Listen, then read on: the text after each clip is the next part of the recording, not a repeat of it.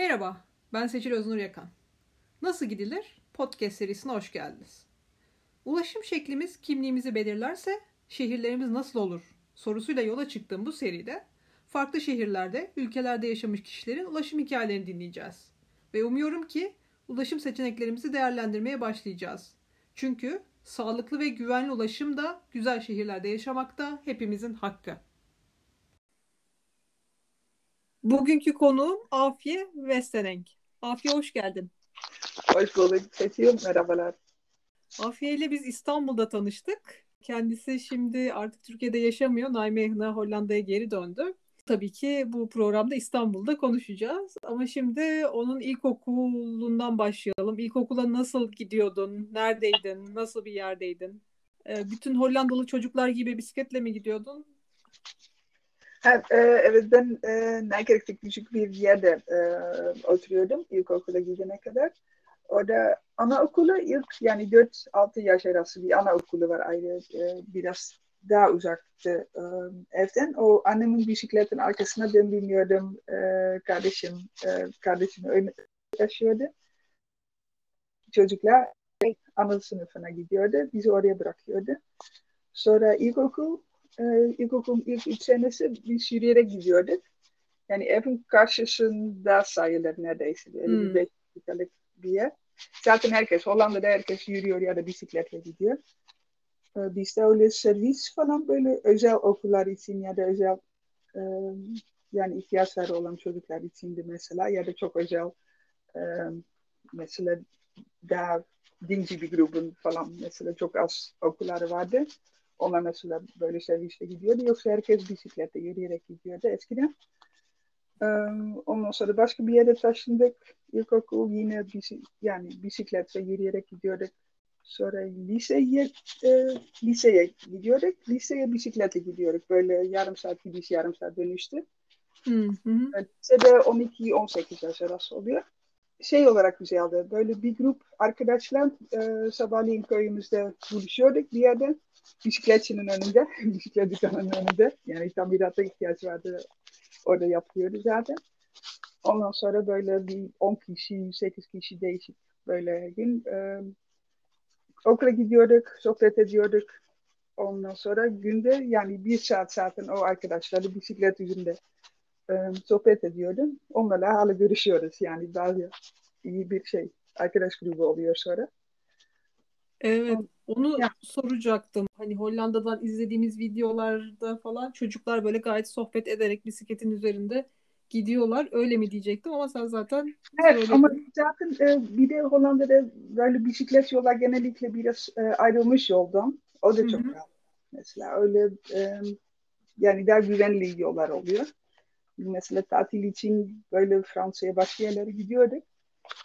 Ondan sonra mesela e, Hollanda'da kask takmak yok böyle çok garip geliyor bize. Yani bisiklete kask takmak falan. Sonra bir kez bir tatilde Fransa'da böyle bir ev kiraladık. Orada böyle eski bir bisiklet vardı. Sonra oradan ekmek almaya gidecektik köyde. Ondan sonra o kadar tepe ve şey böyle yani bisiklet sürmek çok korkunç geldi bana.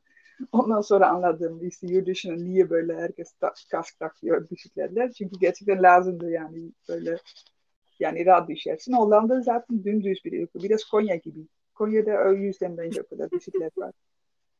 Evet ya yani düz olması tabii ki çok e, yardımcı oluyor bisikletli ulaşımının. Evet. Yeah. Fransa'da o gittiğiniz yerde trafikten dolayı değil mi? Yani o Yok trafik bile yok. Yani böyle bir köy ama böyle tepe gibi ve dönemeçli. Ondan sonra böyle bisiklet ya boşa gidiyorsun ve böyle düşeceksin ya da böyle tepe çıkamıyordum falan. Böyle eski biraz bozuk bir bisiklet yani yürüyordum. Ondan sonra aşağı inmeye korkuyordum. Öyle bir şeydi. Trafik olmasa bile böyle düşecektim neredeyse. Hmm, belki ayrılmış yollar da olmadığı için evet yok orada... orada evet yok. Evet, yani, evet. Hollanda öyle zaten şey diyorlar böyle Hollanda toplam bir 17 milyon kişi ama bir de kontrol ettim şimdi seninle konuşacağım diye. Yani 17 milyon kişi ve 23 milyon tane bisiklet var Hollanda'da en azından. yani kişi başı bir buçuk falan bisiklet. Herkesin evet. böyle okula gitmek için bir bisikleti var. Bir de böyle tur yapmak için böyle şey spor bisikleti diyelim. Hı hı. Hollanda'da peki size bisiklet sürmeyi kim öğretiyor? Yani küçükken aileleriniz mi öğretiyor yoksa okulda bir eğitim alıyor musunuz trafik kurallarıyla ilgili? Ya aslında ama aileler öğretiyor. Böyle ya da kendiliğinden küçükken öyle şey e, yani ona göre böyle çocuk bisikletleri var, küçük bisikletler. Ondan sonra okulda şey dersi vardı. Böyle sanki trafik dersine gidiyorsun ama çok böyle az bir iki kez böyle köyümüzü bisikletle gezdik. Orada kuralları öğrenmek için ve böyle diploma aldık gibi bir şey. Hmm. Bilmiyorum. Yani 55 yaşındayım. Tabii ki burada da çok şey değişti. ama yani bisiklet sanki doğuştan biliyorsun gibi böyle sayılıyor. Mesela bir, ya, Türkiye'de doğdu. Sonra tatillerde bisiklet kullanmak için. Onlar kaç yaşındaydı? Böyle bir arkadaşım öğretiyordu mesela çocuklara bisiklet kullanmayı. Ondan sonra şey farkı da gördüm. Öyle bir oğlum böyle bayağı önce bakıyordu işte bisiklet nasıl bir şey, nasıl çalışır, işte buna bassam ne oluyor falan böyle bakarak öğrenmek istiyordu. Ama biraz uzun sürdü. Ondan sonra öbürü direkt bindi, denedi, çalıya düştü falan filan. Birkaç kez düştü, kalka. Böyle beş dakikada öğrendim mesela. Ama işte Hollanda'da onu düşünmüyorsun çünkü doğuştan aslında kullanıyorsun. Hiç öyle bir bir gün gideyim biri öğretsin falan yoktu. Etrafındaki herkes yürüyor gibi etrafındaki herkes bisiklet kullanıyor zaten. Çok doğal evet. bir şey. Hı hı. Ya bizim yaşlı bir teyzemiz vardı. Yani 90 kusur yaşında böyle biraz zor yürüyordu. Onun için bisikletle gidiyordu. Yürümek zor diye. o da garip geldi bana ama gerçekten öyle. Çünkü yani bütün vücudunu taşımıyorsun. Evet. Ondan sonra bir de denge falan zaten doğuştan yani kullanmıştı hep. Bisiklet, bisiklet daha kolay geliyordu ona. Evet. E, şu an senin yaşadığın Nijmegen'da katıldığın bir konferans var, bisiklet konferansı. Orada böyle bir sunum yapmıştı. Alzheimer hastaları da yani aynı şekilde yürüyemiyorlar. Ee, Alzheimer değil, hmm, hastalığın adını unuttum şimdi. Yani yürümekte zorluk çekiyorlar ama bisiklet kullanabiliyorlardı. Yani o bisikletin mekanizması gerçekten çok ilginç. Beyinle nasıl bir ilişkisi var. Ya garip aslında çünkü aslında denge tutmak bayağı bir şey bence. Sonradan öğrenmek. Ondan sonra ama evet Alzheimer hastaları için böyle yürümek bazı evlerinde böyle bir çizgi çiziyorlar ki ona evet. göre yürüsünler. O ama ya. Ha, sen Velocity'ye gelmiştin değil mi? Tam evet, bir, evet, tam evet. şey geri dönmeden evet. Hı hı. Evet. Ya. O çok Hı? ilginç gelmişti bana. E, liseden sonra Hadi sonra Utrecht'te okumaya gittim. E, Türkoloji okumaya başladım. Ondan sonra Utrecht şehir ama e, Utrecht'te e, otururken yine Utrecht küçük bir şehir. Yani yine yürüyerek ve bisikletle gidiyordum. Ee, bir ara böyle bisikletim çalınıyordu. Hollanda'da öyle bir şey var, bisiklet hırsızlığı. Evet, evet. Ona yeni bisiklet almamaya başladım. Yürüyerek gittim. Zaten küçük ve yürümeyi aslında bisikletten daha çok şey yürümeyi seviyorum.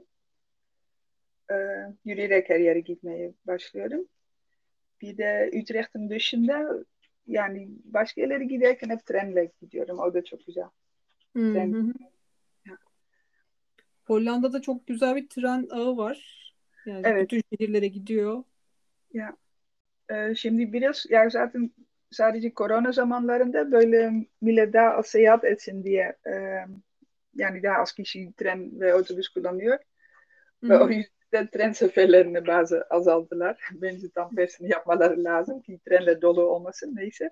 Evet. Ama onun dışında aslında yani e, iyi bir yani her yere trenle ve otobüste gidebiliyorsun. Ee, o doğru, evet. Ama eskiden daha rahattı. Yani şimdi biraz aslında çoğalması lazım. Böyle otobüs hatları ve e, tren saatleri falan ama bu özelleştirme gibi bir şeyler oldu. Ondan sonra onu biraz azalttılar. Yani bazı köylerde çok az kişi gidiyor diye böyle otobüs hatları kaldırdılar maalesef. Ama Peki o o ya. köylerdekiler nasıl gidip geliyorlar? Yani millet zaten arabayla gidiyor. Yani aslında araba seyahatini azaltmak istiyorlar. Biz hep, hı hı. yani biz hep öyle anlatıyordu küçükken. Yani öyle millet toplu taşımayı kullansın, ondan sonra arabayla gitmesin. Ama mesela e, Türkiye'den Hollanda'ya döndüğümde direkt ev bulmadık burada Nijmegen'de. Önce annemlerde oturduk bir köyde. Annem babamın yanında. O, ya çok güzeldi böyle şey ormanlı bir yer falan güzel. Hı hı. Ama orada böyle sabahları otobüs geç başlıyordu. Yani oradaki çevre okullarına, okulun saatlerine göre. Hmm. Yani üniversiteye falan yetişemeyeceklerdi çocuklar. Öyle bir sorun var şimdi. Yani eskiden o biraz daha kolaydı. Umarım ileride yine öyle olur. Yani her yerde daha fazla otobüs olsun, daha geç saatlere kadar falan. Ya şimdilik yani yine iyi tabii ki. Başka yani diğer ülkelerinin yanında kıyasla yine iyi tabii ki olanlar. Hı hı. Peki sen büyürken e, arabaların durumunu nasıl hatırlıyorsun Hollanda'da? Yani büyüdüğün, yaşadığın yerlerde araba kullanılıyor muydu? Şimdi daha evet. mı çok kullanılıyor? Evet yani e, araba hep var yine de standart maalesef. E, yani toplu taşıma gerçekten daha çok böyle öğrenciler yani bu öğrenci yıllarında, okul yıllarında kullanılan bir şey. Yine de e, teşvik ediliyor yani millet trenle gelsin. Bazı şirketlerde öyle e, özel teşvikler de veriyor. Yani arabayla diyor da trenle gel diye. Ama e, yani araba da yine normdur aslında. Herkesin arabası var. Her ailenin bir arabası var diye. Şimdi tabii hmm. ki yani ben mesela pek araba istemiyorum. Ee, ama öyle daha az kişi var. Yani seç, böyle seçim olarak böyle araba almayalım. Para durumunun dışında tabii ki. o da var. bir de şeyde, yani e, şehirde arabasız yaşayabilirsin ama şehir dışında köylerde yani araba mecbur gibi. Evet. Yani top... maalesef hala evet. Hı hı. Şey o... toplu taşıma çok sık olmayınca ya. ulaşım için evet. -hı. Evet ve onun için de millet nasılsa araba var diye otobüs varsa da az gidiyor. onun için de hatta daha kalıyor. Öyle böyle bir kısır döngü oluyor aslında. Evet. Çok kötü bir kısır döngü gerçekten doğru. Hı -hı. Utrecht'ten sonra çalışmaya mı başladın? Yok Utrecht'te öğrenciyken e, Türkiye'ye geldim. Öğrenci böyle bir e, öğrenci değişim programıyla böyle 90'dı galiba. Yani 90 civarında. E, orada değişim programı Marmara Üniversitesi'ne geldim. Oradaki Türkoloji bölümünden. E, bir öğrenci de e, Marmara Üniversitesi'nden bize geldi Utrecht'te. E, ben de oraya gittim. Böyle ilk kez böyle bir denemeydi. Hı hı. O güzeldi. Yani daha önce zaten e, tatile gelmiştim Türkiye. Onun için de Türkolojiye başlamıştım. Hoşuma gidiyordu. ee, yani önce tatile de Türkiye geldim. Sonra işte bir yarım sene, bir semestre e, okudum Marmara Üniversitesi'nde. Ondan sonra 93'te ha, aslında biraz önce tabii ki e, daha Türkoloji okurken e, e, ilk kez Türkiye'ye gelmiştim. Daha e, Türkoloji okuyacaktım. E, liseden bir arkadaşla, yani bir sene Türk, Türkoloji okumuştum. Sonra bir arkadaşımla e, ilk kez e, Türkiye'ye gidiyorduk. E, hep uçakla geliyordum ama ilk defa e, otobüsle gelmiştik ilk seyahat. O da güzeldi. Böyle birden e, Türkiye'ye gelmemiştik. Böyle iki gün yavaş yavaş otobüsle seyahat ederek etrafımızı bir de seyrettik. Bir de otobüste e, hep e, Türkiye'den gelen insanlarla dolu ya da Hollanda'da oturanlar. Aha. O da güzeldi. Böyle oradan da Türkiye'ye alışıyordum diyelim. Güzel böyle piknik yerlerinde e, yemekleri dağıtanlar, e, paylaşanlar oluyordu. O da güzeldi. Yani otobüsle başlamıştı o zaman Türkiye seyahati sayılır. Evet, ee, ilk sene de genç turdan bir e, çalışma kampına gelmiştik. Gönüllü çalışma kampları vardı genç turun. Hala devam ediyor. Hı hı. O da çok güzeldi. Orada e, e, ya birçok arkadaşla tanıştım. E, değişik ülkelerden e, gelen insanlar vardı. E, ondan sonra yani genç tur yine bir tür arkadaş grubuydu. Böyle kulüp gibi bir, dernek gibi bir yerde bizim için. Öyle güzeldi. Ondan sonra e, işte 90'da galiba 1990'da e, bir semestre e, Marmara Üniversitesi'nde okumuştum. O da çok iyiydi. Yani dersler o kadar değil de öyle öğrencilerle birlikte olmak, kantinde sohbet etmek, birlikte gezmek. bir de özellikle birinci sınıfın e, derslerini seçmiştim Türkolojiden. E, çünkü herkes bir yerden geliyordu. Yani yabancı hissetmiyordun orada. Yani biri bir köyden geliyordu, başka bir şehirden, ben de Hollanda'dan. Yani sanki köyden gelir gibi. Hmm. E, o da güzel bir dönemdi. Sonra e, 93'te hem evlendim Türkiye'de hem de e, konsoloslukta, e, Hollanda konsolosluğunda çalışmaya başladım. Yani 93'ten 2017'ye kadar İstanbul'da yaşadım. Evet. Ya. Epey uzun dönem. Oraya Evet. geçmeden önce şey soracağım. Hani bu otobüs yolculuğundan bahsettin ya iki gün so- süren. Hani sohbet oluyor vesaire. Evet. Gerçekten güzelmiş. İki gün tabii çok uzun bir süre. Şimdi herhalde öyle bir otobüs kalmamıştır Hollanda'dan Türkiye'ye. Ama hem böyle yani işte gittiğin ülkende yaşayan insanlarla tanışıyorsun. Yavaş yavaş böyle alışıyorsun. Yani birden uçaktan pat diye inip e, o ülkeye girmiyorsun. Evet. Çok Ya. güzelmiş aslında. Evet, o çok güzeldi. Hı Bir hı. de e, daha önce yani o ilk seyahat tabii e, işte 93'e kadar hep e, yani tatil için geliyorum Türkiye. Böyle otobüsle hep geziyorum. Bütün yani değişik yerlere gidiyorum. Diyarbakır'a, e, başka yerlere. Ya güzeldi tabii ki Antalya vesaire. Hı hı. Otobüsle ve oradaki minibüs ya da dolmuş deniliyor ama minibüs. İstanbul'a göre minibüstü tabii ki. O, otobüs seyahatleri de çok seviyordum. Böyle gece otobüslerini biniyordum. Yani hem otel parasından tasarruf hem de bir yerdesin. Yine de akşamları sabahları yine etrafını biraz seyrediyorsun. O da çok güzeldi. Hı hı. O zamanlar otobüs biletlerini almak, otobüs yolculukları, otobüs bulmak nasıldı Türkiye'de? o ya o da güzel. Ee, ilk seneler yani son seneler böyle uçak bileti alır gibiydi. Tabii ki yani hem otobüslerde böyle çok daha lüks oluyor ama ilk seneler yani hem otogara gidiyor yani e, İstanbul'dan otogardan başlıyordu. Böyle kalabalık bir yer falan. Da çok ilginçti. Benim için hep güzel ve değişikti tabii ki. Sonradan bunaltıcı olmaya başlıyor ama ilk zamanlar çok güzel oluyor. Ondan sonra bir yerdeyken ama böyle otostop yapar gibi bir yerde duruyorsun, otobüs geçiyor nasılsa. Sonra onu düzelttiler ama onun güzel tarafları da vardı. Daha macera gibiydi. Ya. O Otogar ya. Harem otogarı mıydı o zaman? ya galiba yoksa evet Harem ol- Ya evet. Evet. Karşıda. Ya. Evet, evet, tamam. Ya. Güzel. Ee, O ayrı bir dünya oluyor o otogarlar falan. evet, oralar gerçekten başka bir dünya. Yani içinde her şeyi barındıran, Ya. hmm, tamamen günlük hayatın dışında başka bir dünya o otogarlar. Evet.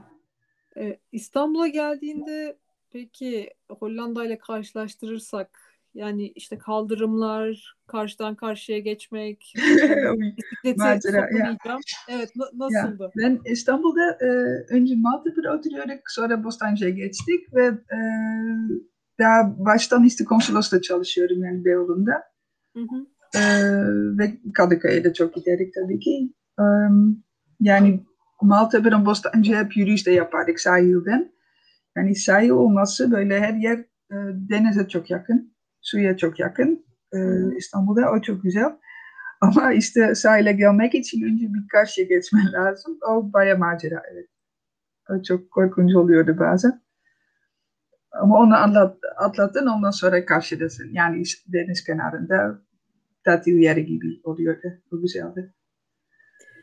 O zaman sahil yolunu şimdi hatırlamaya çalışıyorum 90'lı yılların başında. Yani yeterince ışık mı yoktu acaba? Arabalar çok daha hızlı mı yapıyordu? Yok, yok ama e, evet yani fazla ışık yoktu. Olsa da zaten uzaktan arabalar şey gibi ya beni görmüyor musun der gibi böyle yüksek hızla gidiyor korna çalıyorlardı falan. Yani nasıl böyle geçmeye çalışıyorsun der gibi. E, ama bazı yerlerde daha rahat tabii ki. Hı hı. Ya. Evet. Peki Bostancı'dan Maltepe'den Kadıköy'e nasıl gidiyordun? Trenle mi? E, şey e, işe giderken e, Maltepe e, şey Süreyya plajında oturuyorduk. Yani e, Hı. Maltepe Süreyya plajından e, banliyö trenine binip Haydarpaşa'ya gidiyorduk. Oradan da vapurla e, karşı geçiyorduk ve oradan da e, tünelle. Yani o Hı hı. standart yollar değişti tabii ki. İşte dolmuş da vardı minibüs. Ama ilk, ilk seneler öyleydi. ondan sonra vapur yolculuğu hep tatil gibiydi. Yani o hala son senelere kadar böyle bir salebini içiyorsun, çayını içiyorsun, etrafına bakıyorsun, kitabını okuyorsun. O, yani her gün bir mini bir e, tatiliydi. Evet, evet. Son senelerde böyle motorlar falan başladı. İşte bir ara banliyö treni yoktu. Minibüs vardı. Ondan sonra inşaat artık falan. Son senelerde bayağı stresli. Böyle tansiyonum da çıktı. O sırf yani Türkiye'de tabii ki başka problemler var herkesin. Ama trafikten de bayağı da bunaldım aslında. Evet. Ama onun dışında yani yine de sonra da vapura geçersin. O, o güzel oluyor. Hı hı. Bu e, Haydarpaşa'ya giden trenler kaldırıldığı zaman e, işte yani dolmuşlarla ya da minibüslerle gidip gelmeye başladın. O nasıldı? Yani tren... Ya o işte daha zor olmaya başladı ama bir ara işte Marmaray vardı, Dolmuş vardı. Ya e, değişik yerlerde duruma göre işte trafiğe göre e, zaman zaman değişiyordu. E, sonra zaten Bostancı'ya geçtik. Oradan direkt dolmuştu var ama dolmuş daha çok böyle geç saati yani gece yarısı eve dönersen böyle bir geziden sonra ya da müzik dersinden sonra falan dolmuş daha çabuktu aslında. Ama e, normal saatlerde minibüs falan daha çabuktu yine de. Yani hem rahatsız edici hem de hem de şey çabuk oluyordu. Ya. Evet kalabalık. Kalabalık ve şey kalabalık ama bir de bu inşaat artınca son seneler e, böyle minibüsler her yerde gidemiyorlardı. Hem fazla trafik vardı hem kaçış yerler falan doluydu. Oradan da hep kavga çıkıyordu. Yok sen yol ver, sen yol ver. Öyle, öyle problemler vardı daha çok. Ya evet bu kaçış yerleri deyince gerçekten hani minibüsün bir rotası var İstanbul'da ama minibüsçüler böyle o rotadan çıkıp ara sokaklarda işte gitmeyi kendilerine hak gördükleri için Evet ee, ama yani normal yoldan gitseler zaten trafik gitmiyordu. orada tıkanıyordu. Evet. Onun için öyle orada şoför olmak da istemezdim. Yani evet, evet. Zaten çok sonradan araba aldık. İstanbul'da önce pek araba kullanmak da istemezdim. Yani bu nasıl kullanılacak, nasıl sağ kalacağım falan. Sonra araba kullanınca ama yine bir kural varmış gibi geliyor. Değişik bir kurallar ama herkes belli bir kurallara uyuyormuş. Ondan sonra araba kullanmak da yani o kadar korkunç gibi, gibi gelmemeye başladı. Ama daha çok mesela cumartesi sabahları çocuklarla şey Hollandacı dersine giderken falan öyle tenha saatlerde daha çok araba hmm. kullanıyorum. Evet yani zaten biraz yani kurallara uymak lazım yoksa trafik zaten iyice kötü olur. Sonra çocuklar e, iki tane oğlum var. Onlar hı hı. E, Kocaeli'nde okumaya gittiler. Ha, okul, onlar da şey okul okula nasıl gidiyordun falan diye sordum da. Evet. Onlar mesela İstanbul'da böyle ilkokul hep e, yani eve yakındı. Yürüyerek gidiyorlardı. Sonra lise, ortaokul, lise zaten e, minibüsle rahat gidebiliyorlardı. Yani çok şey Bostancı'dan Maltepe ve Kadıköy'e falan. E, yani ise lise hiç lazım olmadı. O iyi oldu. Ama işte bisiklet orada düşünülmezdik. yani İstanbul'da. Evet, sen hiç İstanbul'da bisiklet kullandın mı peki? Yok. Yani adada tabii ki. Adada ama o da gezi gibi yani bisiklet kullanmak gibi olmuyordu. Hı hı. Ee, Türkiye'deyken yani Hollanda'dayken öğrenciyken hep tatillerim Türkiye'deydi.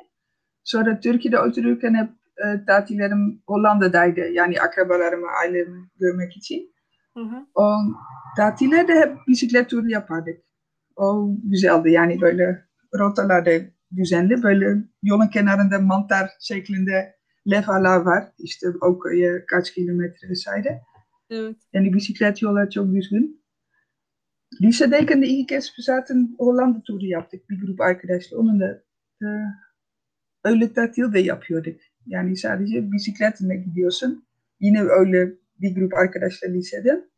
Hı hı. Öyle değişik yerlere gidiyorduk. Youth hostelerde kalıyorduk. Akrabalarımızın yanında falan. Öyle rahattı yani hiç arabaya falan gerek yoktu. Evet ne güzel ne güzel. Evet. Çocuklarına sen mi bisiklet kullanmayı öğrettin? Yok o da garip. Yani ben Hollandalıyım ama yine de bir arkadaşım o da Türkiye'de oturuyordu. Sonra aynı anda tatil yapıyorduk burada. Ee, o öğretti çocuklara. Bir kendi çocuklarını tam yani onun çocukları yaşıttı. Aha. Yani o dört çocuğa birden o zaman öğret, öğretiyordu. Hem kendi çocuklarını hem, e, hem benim oğullarıma. ya. Yani tipik bir Hollandalı anne değilim galiba. Yok. Şehir yani şeye döneceğim. Bu tatillerini Türkiye'de yaparken bir de Hollanda'da yaparken çocuklar da varken tatile gitmek ya uçakla mı gidiyordunuz? Ha, ya e, çocuklarla e, uçakla da giderdik ama Türkiye içinde e, mesela bir arkadaşımız e, İstanbul'dan Turgut Reis'e taşındı Bodrum'a. E, orada pansiyonu vardı. Oraya çok sık giderdik. Yani uzun tatillerde Hollanda'ya ama kısa tatillere ya da bayram gibi şeylerde işte Turgut Reis'e giderdik. O zaman arabayla da giderdik. Böyle bir iki kez uçakla gittik ama ya genellikle önce otobüsle sonra arabamız olunca e, arabayla. Çünkü dört kişi gidince o zaman o daha ucuz. O daha e, kolay oluyordu.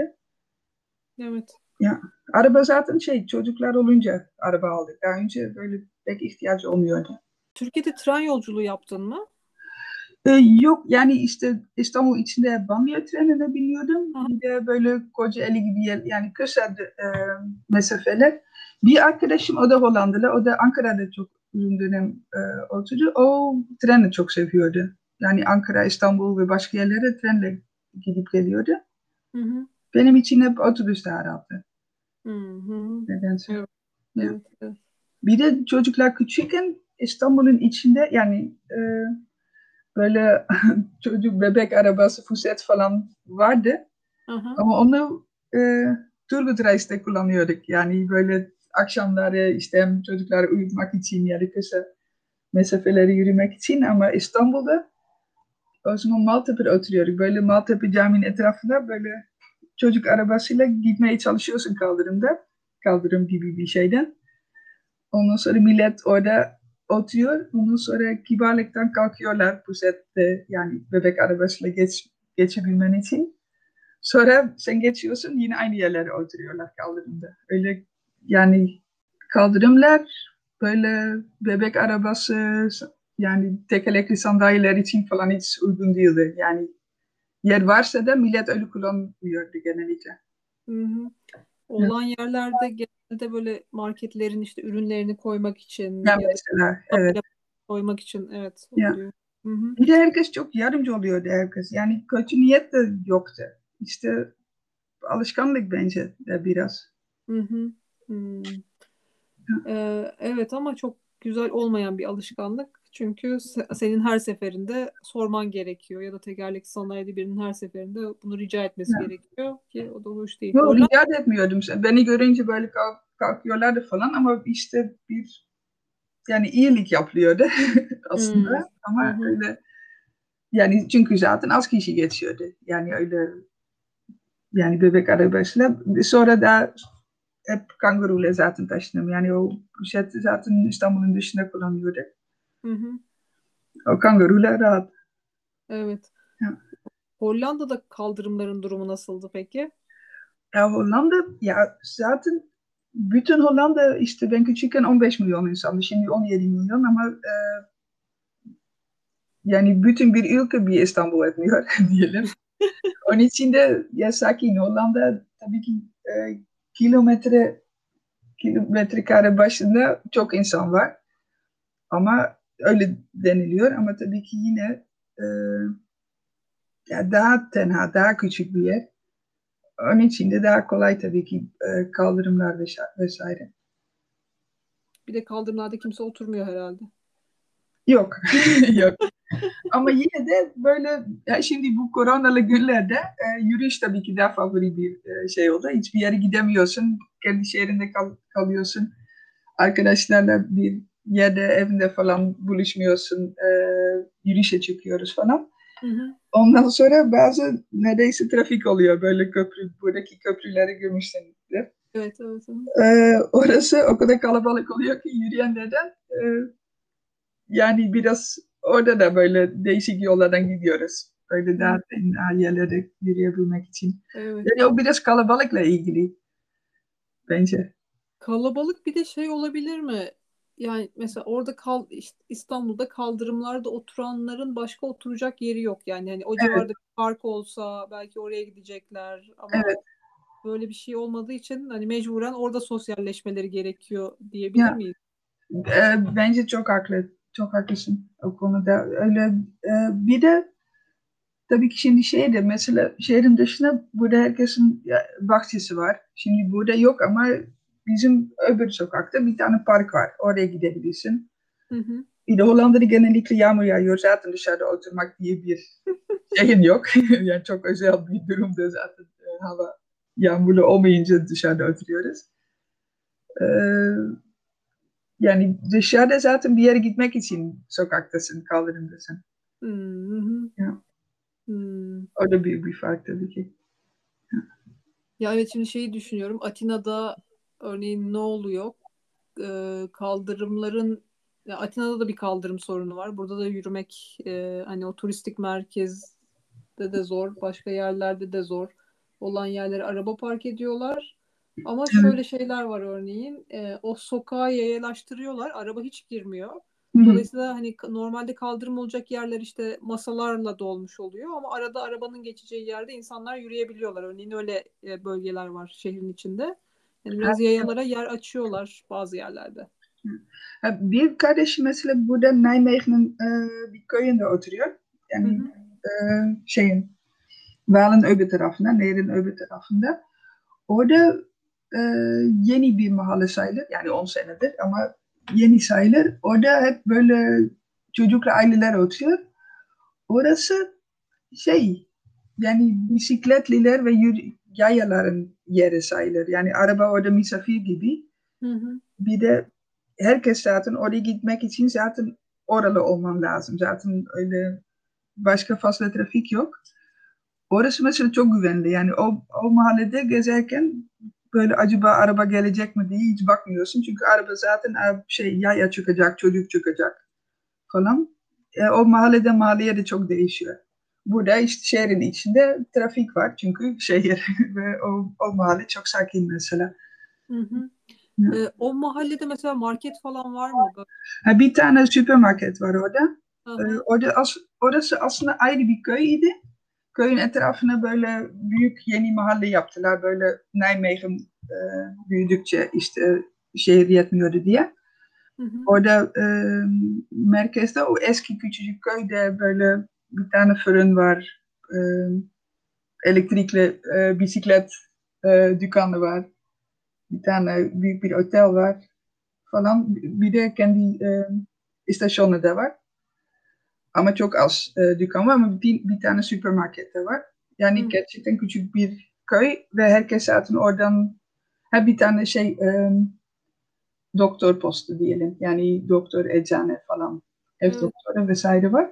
Yani yine her şey var orada ama Hı hı. daha fazla dükkan isteyenler buraya gelebilir. Yani e, giysi vesaire için Nijmegen'e geliyorlar zaten. Evet evet yani Ya. günlük ihtiyaçları karşılayacak şeyler var orada. Evet okul. Orada birkaç tane okul var. Çünkü bütün yani oradaki ailelerin evlerin çoğu böyle çocuklu, küçük çocuklu Hı hı. yerler oluyor. Evet evet. Hmm. Güzel bir yani bir şey köy yine güzel bir planlamayla böyle bir yaşam yerine dönmüş. Yani yaşam Evet. yeri zaten ama hani yine Ya. de böyle yürüyerek işte kolayca ulaşabilecek trafiksiz bir yer Evet. olmuş. Güzelmiş. Tabii Yani şimdi Türkiye annemler de yeni oraya taşındılar. Öyle bizim evden biz merkezde oturuyoruz. Yani 10 Hı dakika hı. şey istasyon 10 dakika mesela. Öyle yani köy 5 dakikada yürüyoruz. Öyle Evet. kısa mesafe. Hı hı. Yakın bisikletle 15 dakika 20 dakika falan. Evet. Ya. Şimdi 15 sene falan Türkiye'de yaşadıktan sonra Hollanda'ya dönünce böyle Türkiye yollarından özlediğim bir şeyler var mı? Ya Türkiye daha çok insanları özlüyorum. Hı Şimdi hı. son seneler e, yani iş yerin ya böyle hep güzel anılarım var, güzel e, yerleri gördüm. Hı Ama hı. Hollanda'ya dönmek de istiyordum. E, ya önce şeyden de korktum böyle ya yabancı olduğum için herhalde ama Türkiye'de herkes çok iyi davranıyor bana, herkes yardımcı oluyordu. ya, yabancı olarak Türkiye'de oturmak gerçekten çok büyük bir avantaj. Çok iyi de herkes. Ondan sonra oradaki arkadaşlarım, akrabalarımı özlüyorum çok. Özellikle bu korona zamanında hiç gidemiyoruz. Evet. Ondan sonra ince işte o annem babamın oturduğu köye gittik. Çok korktum işte ya burada nasıl olacak. Ondan sonra şey böyle otobüs durağında bekliyorum. O da şey aslında millet şimdi e, şey cep telefonundan her yere bakabilir yani otobüs kaçta gelecek vesaire. Ben yine de oradaki levhadan saatleri yazıyorum bulunsun diye. Sonra sadece bir tane adam var. Ondan sonra o bana söyledi, aa bende kitapçı var onu vereyim. Şey otobüs saatlerini yazan kitapçı. Ben yenisini alırım zaten bugün. Şey oradaki e, garaja uğrarım falan diye. Yani Hollanda'da da öyle başladı direkt. Yani orada da herkes yardımcı olmaya başladı. Ama küçük bir yer, sakin bir yer ama o iyi geldi bana. Hmm, evet. Ya, İstanbul'dan sonra tabii böyle biraz insan rahatlık arıyor yani. evet, o yani bir e, yerlerinden e, bir yerinde e, buraya geldi bir şey yeni taşındığımızda. Aha. O da bisiklet yani ben şey üzülüyorum fazla vaktimiz yoktu böyle uzak yerlere gezelim falan diye. Bisiklet turu yapıyorduk. Bir kez buradan mesela bisikletle Almanya gittik. Çok yakın. Yani üstüne oturuyoruz.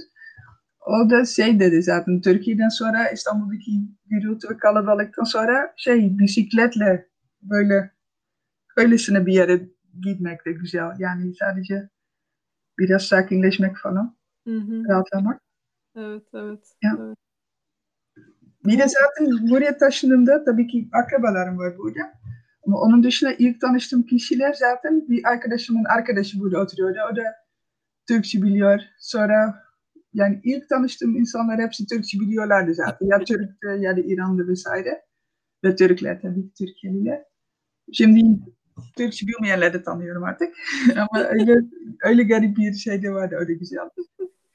evet memleketin Türkiye'ymiş de başka bir ülkeye gitmişsin gibi olmuş. Ya, ya bir de Türkiye'deyken hep e, oğullarımda Hollandaca konuşuyordum. Hollandaca öğrensinler diye. Hı hı. Burada da böyle eve gelirken biraz ağırlıklı Türkçe konuşuyoruz. Yani evimizin dili gibi, kendi dilimiz gibi.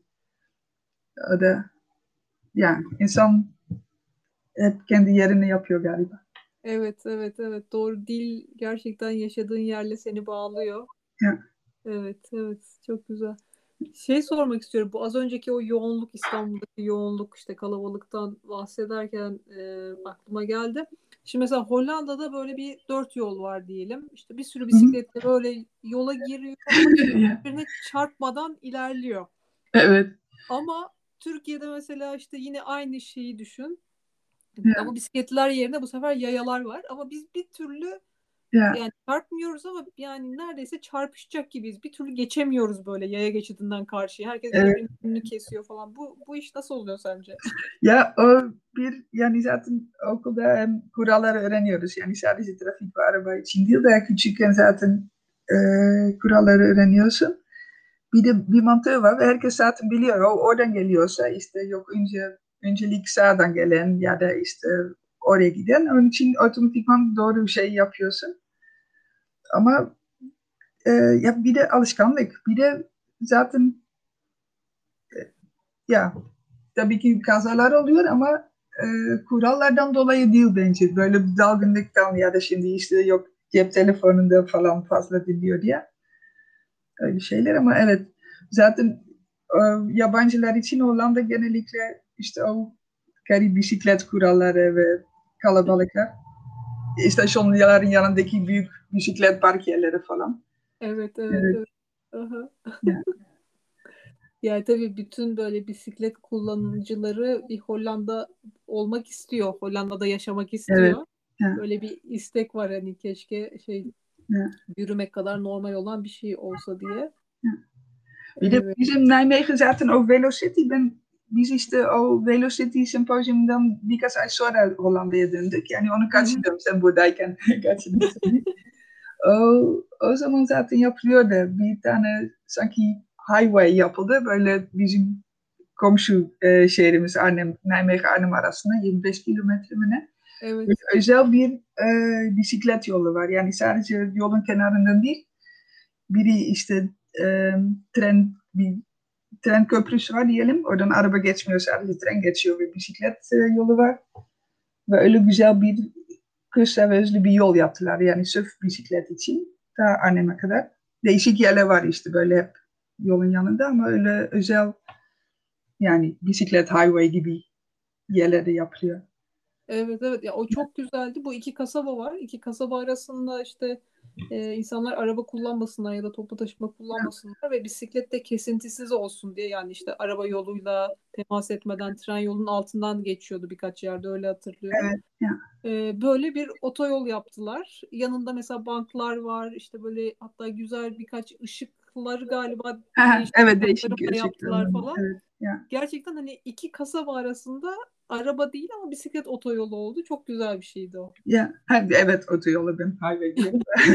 bisiklet evet, otoyolu ama o zaman oto kullanıyorsun da. Yani bisiklet. Evet. Ya. ya maalesef sadece mesela belediyeler şey yapıyorlar işte e, işe giderken araba kullanma ya arabadan çık bisiklete bin ya da elektrikli bisiklete öyle kampanyalar var ama sadece araban varsa ve arabadan e, bisiklete geçersen o zaman bir para alıyorsun ya da bedava bisiklet vesaire. Ya o aslında sadece zaten araba kullanma, kullanmayanlar için vesaire olsun ya da işte sadece bisikleti değil de işte toplu ulaşımı da biraz daha fazla önem versinler istiyorum. Hı hı. Neyse o olsun sonra. yavaş yavaş olacak umarım yine. Evet, evet. Türkiye böyle işte otobüsle Türkiye geldim ilk defa. Ondan sonra e, Sultanahmet'te Topkapı'ya gittik bir arkadaşımla birlikte e, gidiyorduk. Sonra Topkapı Sarayı'ndan e, karşıya baktık ve şey e, Haydarpaşa diyelim yani karşıya gördük. Böyle Hı. harika böyle başka bir kıta işte Asya'yı görüyorduk ilk defa. O beni çok etkiliyordu. Ondan sonra yani o, ondan sonra oturdum zaten hep. Yani 20 sene o tarafta oturmuştum ama işte bir de vapurla e, Asya ve Avrupa arasında yolculuk etmek, adalara gitmek falan, e, ada vapuru vesaire. O yani insanlar yine böyle bir kendi yerini buluyor ya da bir orada bir satıcılar var. Bir mesela ilk zamanlar e, mesela Ramazan'da o zaman yine tabii ki dışarıda böyle yemiyorsun, içmiyorsun ama mesela vapurda içeceksin zaten belli bir bölgede oturanlar içecek falan. Öyle yani insanlar birbirlerini düşünüyorlardı. Ya, iyiydi, hoş, hoş bir etraf, ya ortamda hı hı. bence.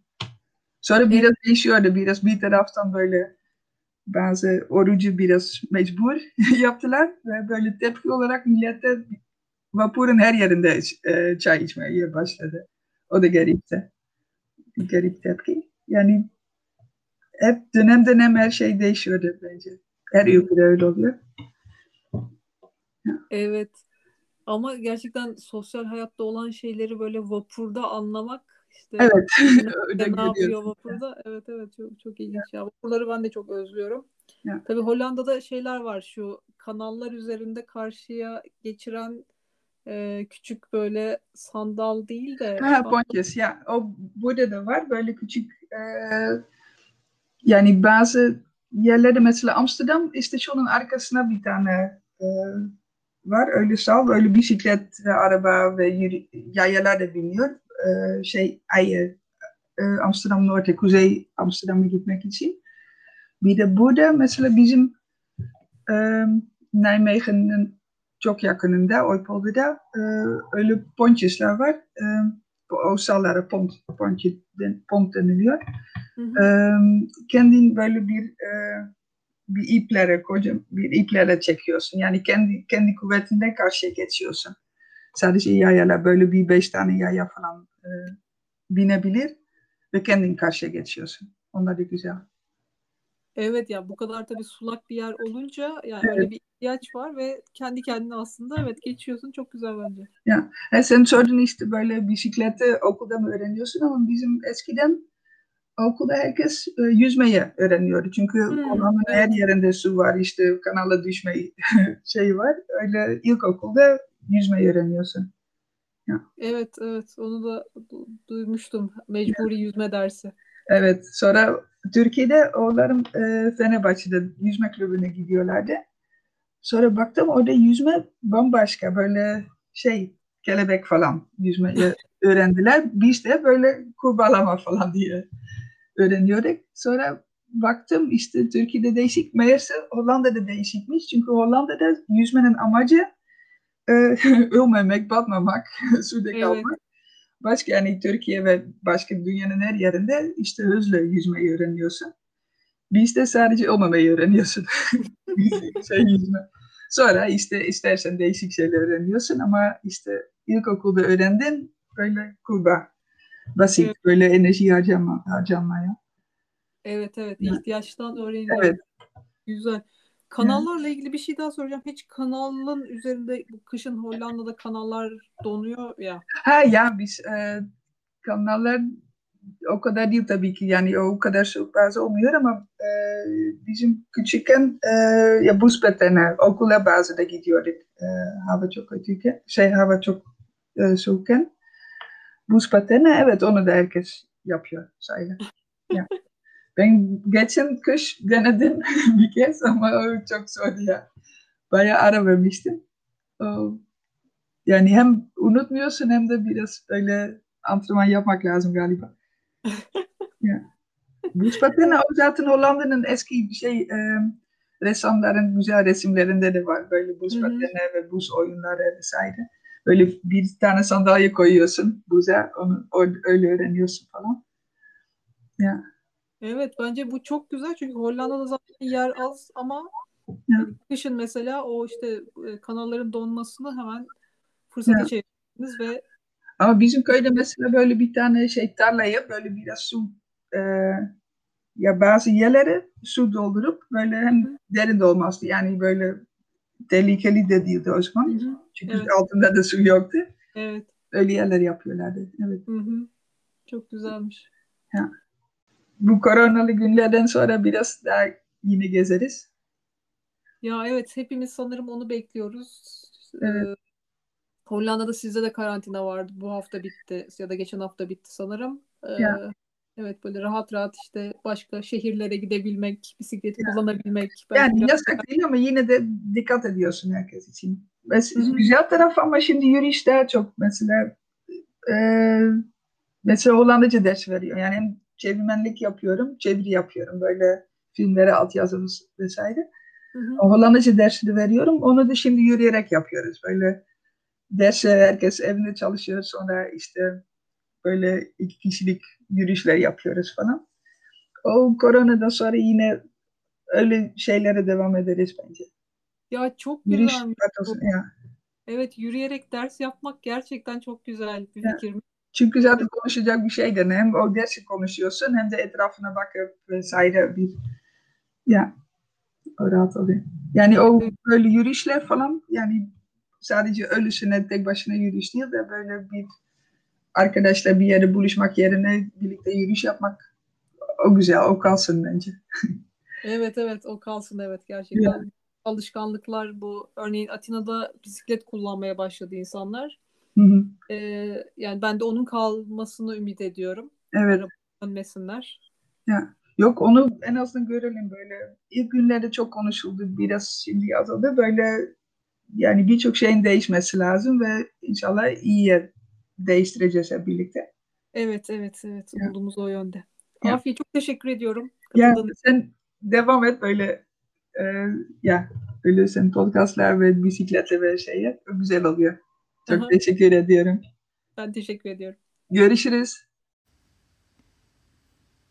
Afiye ile konuşurken adını hatırlayamadım hastalığın adı Alzheimer değil Parkinson.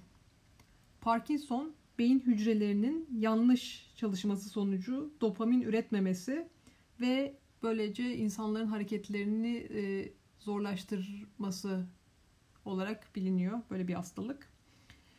E, bahsettiğim videoyu bu açıklama bölümüne koyacağım. Bu programın açıklama bölümüne. Lütfen izleyin. İnanılmaz bir video.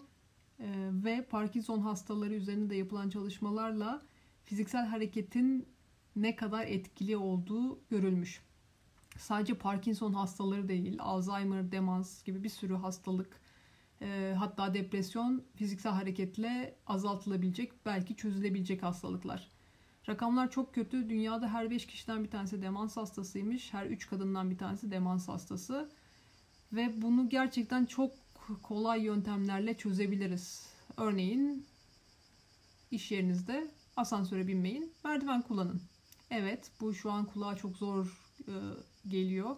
10. kattaysa iş yerim ne yapayım diyorsunuz. O zaman birinci katla başlayın. Birinci kattan sonra asansöre binin. Yani bu hepimiz için bireysel olarak, toplum olarak çok çok çok önemli bir şey. Fiziksel aktivitenin Alzheimer riskini %29 azalttığı, depresyonu %17 azalttığı ve, ve bir sürü bir sürü rakam bulabilirsiniz böyle internette.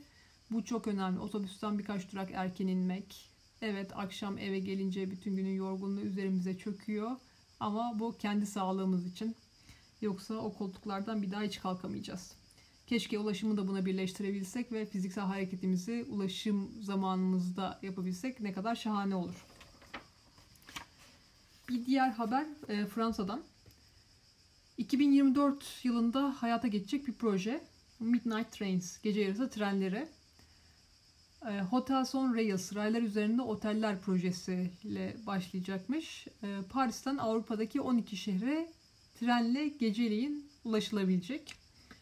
Bu 12 şehir Porto, Madrid, Barcelona, Milano, Venedik, Floransa, Roma, Brüksel, Edinburgh, Kopenhag, Hamburg ve Berlin. Bu böyle Orient Express gibi pahalı ve ünlü e, bir tren servisi olmayacak, tren olmayacak ama ulaşım için alternatif yaratmak isteyenler için bir servis olacakmış.